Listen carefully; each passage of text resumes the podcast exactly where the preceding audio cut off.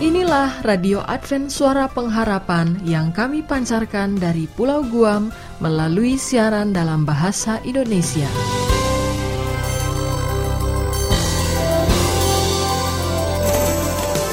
Salam sejahtera kami sampaikan kepada para pendengar kami di mana pun Anda berada. Selamat berjumpa kembali dengan kami Radio Advent Suara Pengharapan.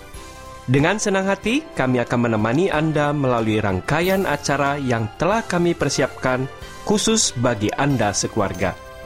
Harapan kami semoga siaran ini dapat bermanfaat dan menjadi berkat bagi Anda semuanya. Selamat mengikuti dan selamat mendengarkan. Tuhan memberkati.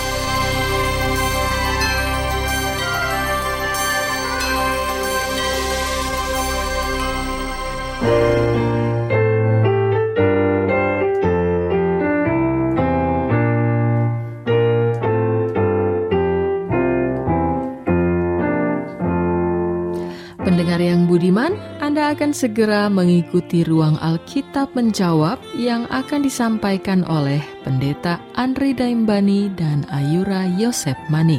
Sebuah program yang dipersiapkan dengan seksama atau syarat dengan jawaban Alkitab yang ringkas dan logis untuk berbagai pertanyaan Alkitab. Dari, Dari studio, studio kami, kami ucapkan selamat, selamat mengikuti. mengikuti.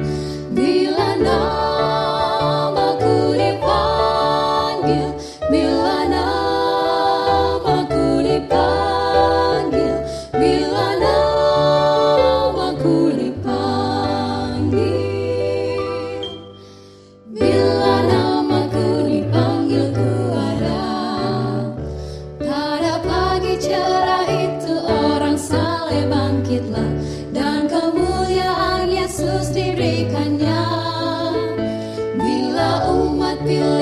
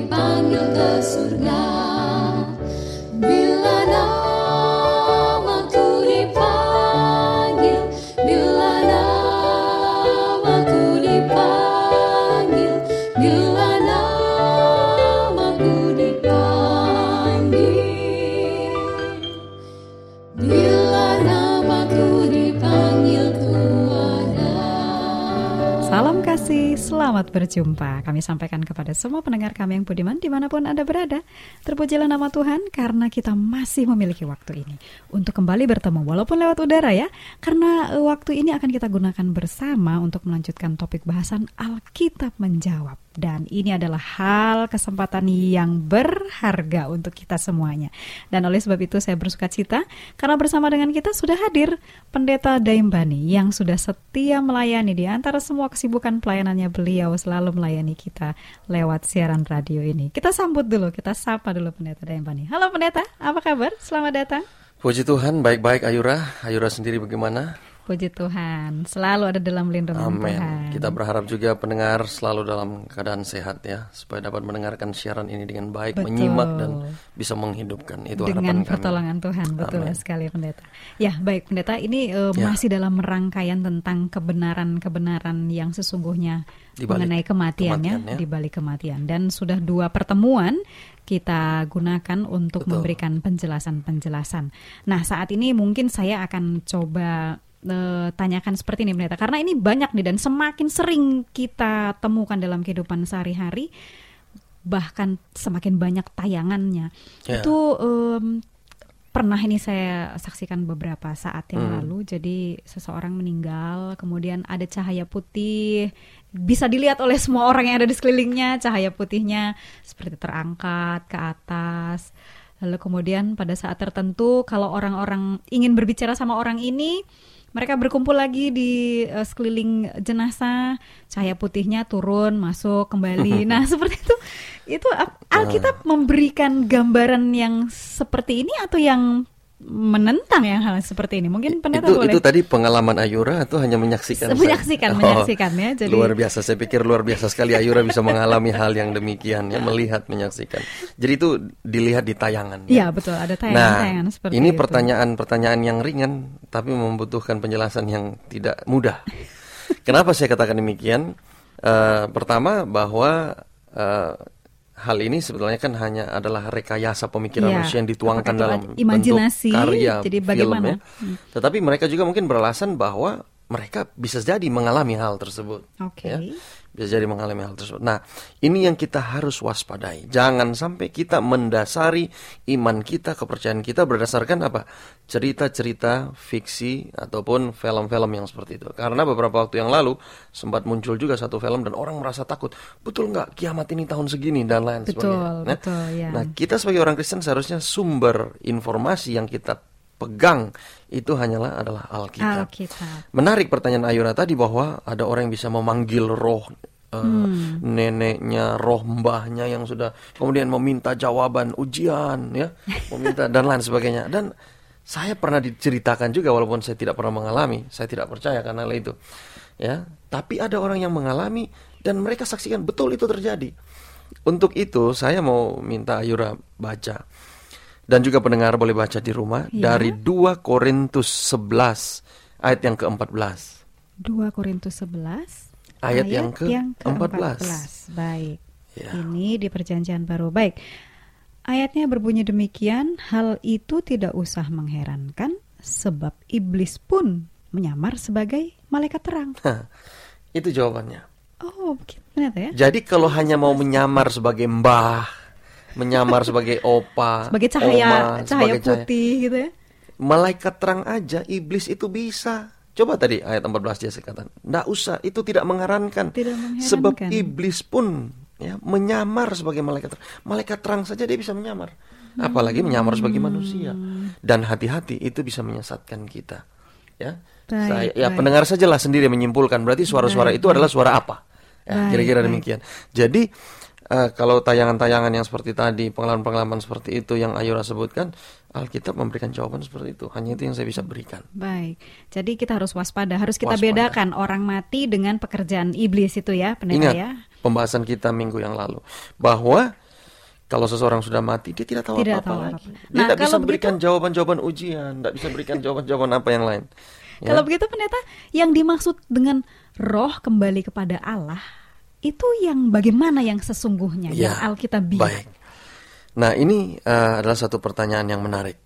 Saya ingin menjawab. Sebelum menjawab ini, saya ingin meminta Ayura untuk membaca dari Yakobus 2 ayat 26. Mendengar juga kalau bisa membaca bersama-sama Yakobus pasal 2 ayat, yang ke-26. 26. Coba Baik. boleh Ayura bantu saya. Demikian bunyinya, sebab seperti tubuh tanpa roh adalah mati, demikian jugalah iman tanpa perbuatan-perbuatan adalah mati. Nah, jadi yang saya mau ambilkan di situ adalah Tubuh. kalau tubuh tanpa roh itu adalah mati. Adalah mati. Iya. Nah, tubuh tanpa roh itu tadi disebutkan mati. Menurut Alkitab, roh dan nafas itu akar katanya itu sama. Hmm, Ya, akar kata yang digunakan dalam bahasa aslinya itu sama. roh dan nafas sama ya. Sama. Bila seseorang mati, yang kembali kepada Allah itu adalah kuasa kehidupan pemberian Allah itu sendiri, yaitu nafas hidup yang diberikan kepada manusia.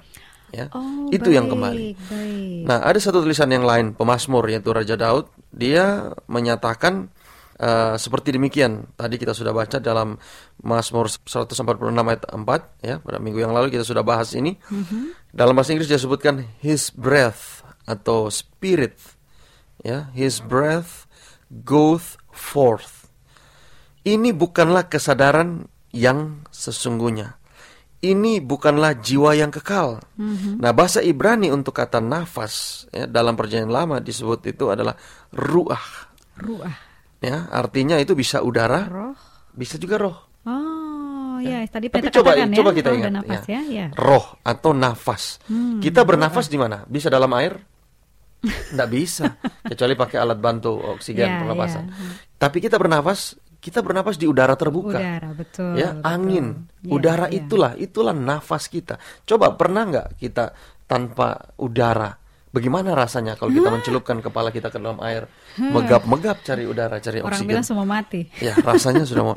Jadi itulah udara atau angin atau roh. Itu kata yang digunakan itu sama ruah. Hmm, dan kita bersyukur bahasa Indonesia menerjemahkannya itu mirip seperti bahasa asli tepat ya. roh Roh. roh ruah ruah. ya mirip-mirip ya Oke, ya, ya. Nah, kalau kita melihat dalam pembahasan yang lain bisa dibantu juga dari uh, Ayub pasal 27 ayat yang ketiga.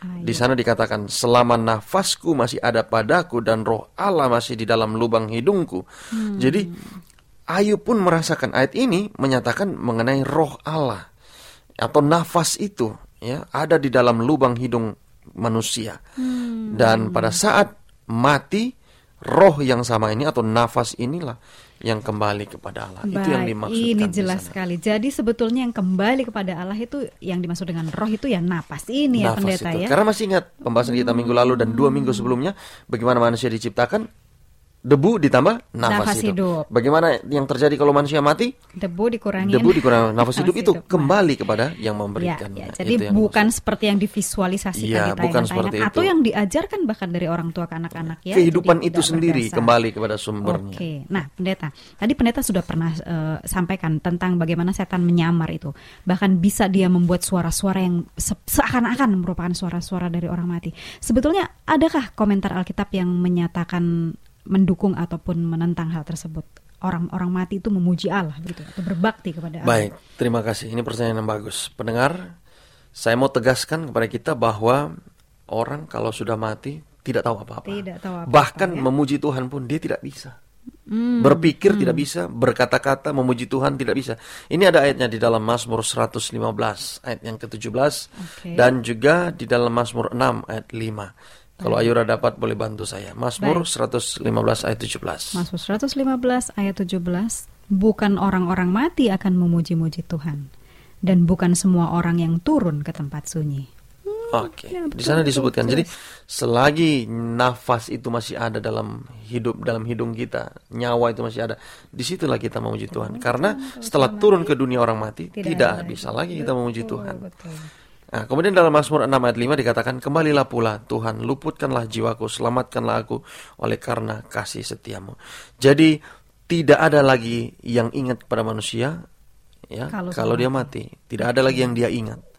Ya, adakah yang memuji manusia dari dalam kubur? Tidak ada. Jadi pada saat manusia mati, Tuhan dengan penuh kemurahan menghentikan pandangan manusia atas kesusahan, menghentikan juga beban yang ada di hati, dan juga menghentikan segala kekecewaan dunia. Sebab biasa. orang mati tidak mengetahui apa-apa. Ingat pembahasan kita betul. sebelumnya dalam pengkhotbah 9 ayat 5. Jadi masuk akal ya, logis bila dikatakan bukan orang mati yang memuji-muji Allah. Karena memang orang mati tidak bisa memuji-muji Allah. Luar biasa. Jadi bisakah orang mati memuji Allah? Tidak bisa. Tidak bisa. Dan pendeta saya tertarik sekali dengan yang tadi pendeta katakan bahwa Tuhan dengan penuh kemurahan kenapa orang mati tidak tahu apa-apa itu adalah bukti kemurahan Tuhan ya. Jadi berhentilah semua. Bayangkan kalau kita mati masih Stop. sengsara juga. Betul sekali. Bayangkan kalau sudah mati, tubuh semua Masih tidak ada lagi daging, semua. tapi kita masih merasakan sakit dan lain sebagainya. Aduh luar biasa. Sangat penyiksaan yang Jadi, luar biasa. Kematian saja adalah bukti dengan atas kemurahan Tuhan ya Betul. luar biasa. Nah pendeta, saya teringat ada cerita tentang Lazarus kan pendeta yang waktu Betul. itu dibangkitkan dari em, kubur ya setelah tiga atau empat hari. Mungkin pendeta nanti bisa luruskan. Nah jadi menurut Alkitab kematian itu yang tidak tahu apa-apa itu bisa disamakan dengan apa tuh pendeta? Ini yang eh, sangat bagus eh, pertanyaan Ayura, terima kasih. Pendengar juga mungkin di rumah bertanya-tanya. Menurut Alkitab, kematian itu digambarkan, disamakan seperti orang tidur. Hmm, Kita jadi tiap tidak hari- tahu apa-apanya itu seperti Betul, seperti kita tidur. Hmm, Tiap ya, hari, ya, ya. tiap hari kita itu tidur tiap malam. Ih. Itu normal. Enak apakah lagi. apakah kita mengetahui kalau ada orang yang berjalan di sekitar kita kalau kita sementara tertidur? sementara tertidur Eh, lelap tidak tahu. ya? Tidak Apakah tahu. kita tahu apa yang terjadi di sekeliling kita pada waktu kita tidur? Tidak. Tidak tahu. Nah, betul. peristiwa itu ada dicatat di dalam Yohanes 11 ayat 11 sampai 14. Saya singkatkan saja bahwa Lazarus saudara kita telah tertidur itu kata Yesus. Yesus sendiri yang bicara Yesus ya. sendiri katakan Lazarus saudara kita sementara tertidur. tertidur. Tapi yang Oke. Yesus maksudkan di sana adalah tertidur dalam arti mati. Mati. Sementara murid-murid berpikir bahwa Lazarus itu tertidur dalam arti yang sebenarnya. tidur. Ya, tidur. fisik, Jadi berarti dia akan bangun. Nah, jadi Alkitab atau dalam hal ini Yesus memberikan satu informasi kepada kita bahwa mati itu diibaratkan tidur. Dan ini Hmm. betul. Kenapa saya katakan betul? Karena akan tiba saatnya bagi mereka yang percaya, satu saat mereka akan bangun dari tidur mereka. Iya. Mereka akan bangkit dari kematian mereka. Itulah yang Yesus ajarkan. Dan ini yang menjadi pengharapan bagi kita. Kalaupun kita mengalami kematian, tetapi kalau kita percaya menerima Kristus, menerima darahnya, maka kita satu kali kelak, kalaupun kita mati, kita akan dibangkitkan bertemu dengan Tuhan. Bukankah ini satu pekabaran yang luar biasa? Betul sekali, Ya. Dan saya mau tambahkan sedikit bahwa beberapa kali Alkitab menggambarkan kematian ini seperti tidur. Saya pikir eh, kalau yang meneliti itu bisa lebih dari 50 kali sedikitnya. Alkitab menggambarkan kematian itu sama Hmm. Kematian seperti sama tidur. seperti tidur ya. Dan memang Oke, jadi bukan arti cuma kisah Lazarus saja tuh ya pendeta. ya? Betul. Ini lebih Ah, dari 50. bahasa Baik, baik. sebenarnya, bahasa yang mula-mula yang menyerangkan tentang mati itu, itu juga dapat digunakan dalam konteks tidur. Hmm, Bahasa aslinya. oke, Bagi umat yang mempercayai Alkitab, kematian tidak perlu lagi ditakuti karena itu mirip dengan kondisi yang tidur nyenyak. Kalau kita tidur nyenyak, kita tidak tahu apa-apa. Jadi malah. bila kita tidur nyenyak, kita tidak sadar akan berlalunya waktu. Tiba-tiba Oke. sudah pagi aja. Hmm, ya, betul, sama seperti iya. kita beristirahat. Hmm. Ya, kita seperti tertidur dan begitulah yang terjadi kepada orang yang mati yang percaya kepada Tuhan pada waktu Tuhan datang nafiri itu berbunyi dan dia bangkit Situlah dan di situlah diubahkan, diubahkan, pembahasan kita menerima. minggu yang lalu. Betul sekali. jadi Waduh, luar biasa. begitu. Itu yang dialami oleh Lazarus. Dia tidak tahu apa-apa waktu ditanya. Tidak ada referensi dalam Alkitab. Apa yang diceritakan? Atau adakah yang mewawancarai? Lazarus apa yang engkau rasa ya. selama tiga hari dalam kubur tidak ada referensi Alkitab yang jadi betul lah dari ayat-ayat yang sebelum kita bahas bahwa kalau orang mati sama seperti dia tidur dia Tidak. tidak tahu apa-apa Tidak tahu apa-apa, tidak juga memuji Tuhan ya. Jadi sama seperti tidur. Persis. Tidak ada Baik. yang bertentangan Terima ayat-ayat. kasih pendeta. Tetapi ini bahasannya belum selesai para pendengar yang eh, budiman. Kita akan lanjutkan lagi pertemuan berikutnya tentang bagaimana kebenaran yang sesungguhnya di balik kematian. Namun demikian, bila dalam eh, waktu ini ada hal-hal yang tidak bisa dimengerti dengan baik atau yang perlu ditanyakan kembali, mohon sampaikan kepada kami. Silahkan Anda boleh sampaikan melalui surat ataupun email kepada kami mengenai pelajaran Alkitab menjawab ini. Dan oleh sebab itu, biarlah pelajaran yang kita terima hari ini kita serahkan kepada Tuhan supaya Roh Kudus terus yang akan menolong kita untuk mempercayai dan tidak lagi me- merasa takut sama kematian ya pendeta ya. Betul. Karena itu sebetulnya mirip saja dengan kondisi tidur nyenyak. Ada banyak dari kita yang nggak siap dengan kematian, takut dengan kematian. Nah oleh sebab itu biarlah pendeta akan meneguhkan kita semuanya untuk pelajaran kita kali ini menyerahkannya di dalam doa siang pendeta. Baik, mari kita sekali lagi tunduk kepala dan kita berdoa. Ya. Bapa kami dalam sorga, segala hormat, puji, dan kemuliaan bagi namamu ya Tuhan. Terima kasih untuk pembahasan yang indah. Engkau adalah Allah yang maha pengasih, Allah yang maha penyayang. Kami dapat melihat, dapat merasakan melalui pembahasan yang sudah kami dengarkan pada saat ini. Biarlah Tuhan, bila mana saat itu tiba, semua kami harus beristirahat. Tapi kami punya satu pengharapan bahwa bila mana Engkau datang, kami kelak akan dibangkitkan dari tidur kami. Dan biarlah itu boleh menjadi satu pengharapan yang besar dan pengharapan ini akan menjadi satu kenyataan di mana Engkau datang untuk menjemput kami. Kami berdoa bagi pendengar kami di mana pun mereka berada Tuhan. Berkatilah mereka semua dalam segala kebutuhan mereka. Ingatlah juga mereka dan berkatilah mereka dengan segala berkat yang limpah dari sorga. Kami rindu untuk pertemuan-pertemuan kami di waktu-waktu yang akan datang. Kami selalu memiliki kesempatan untuk belajar dan mendengarkan firman-Mu. Terima kasih Bapa menyertai kami selalu karena doa ini kami persembahkan, serah mohon ampun akan dosa dan kesalahan kami. Di dalam nama anak Yesus Kristus kami berdoa. Amin.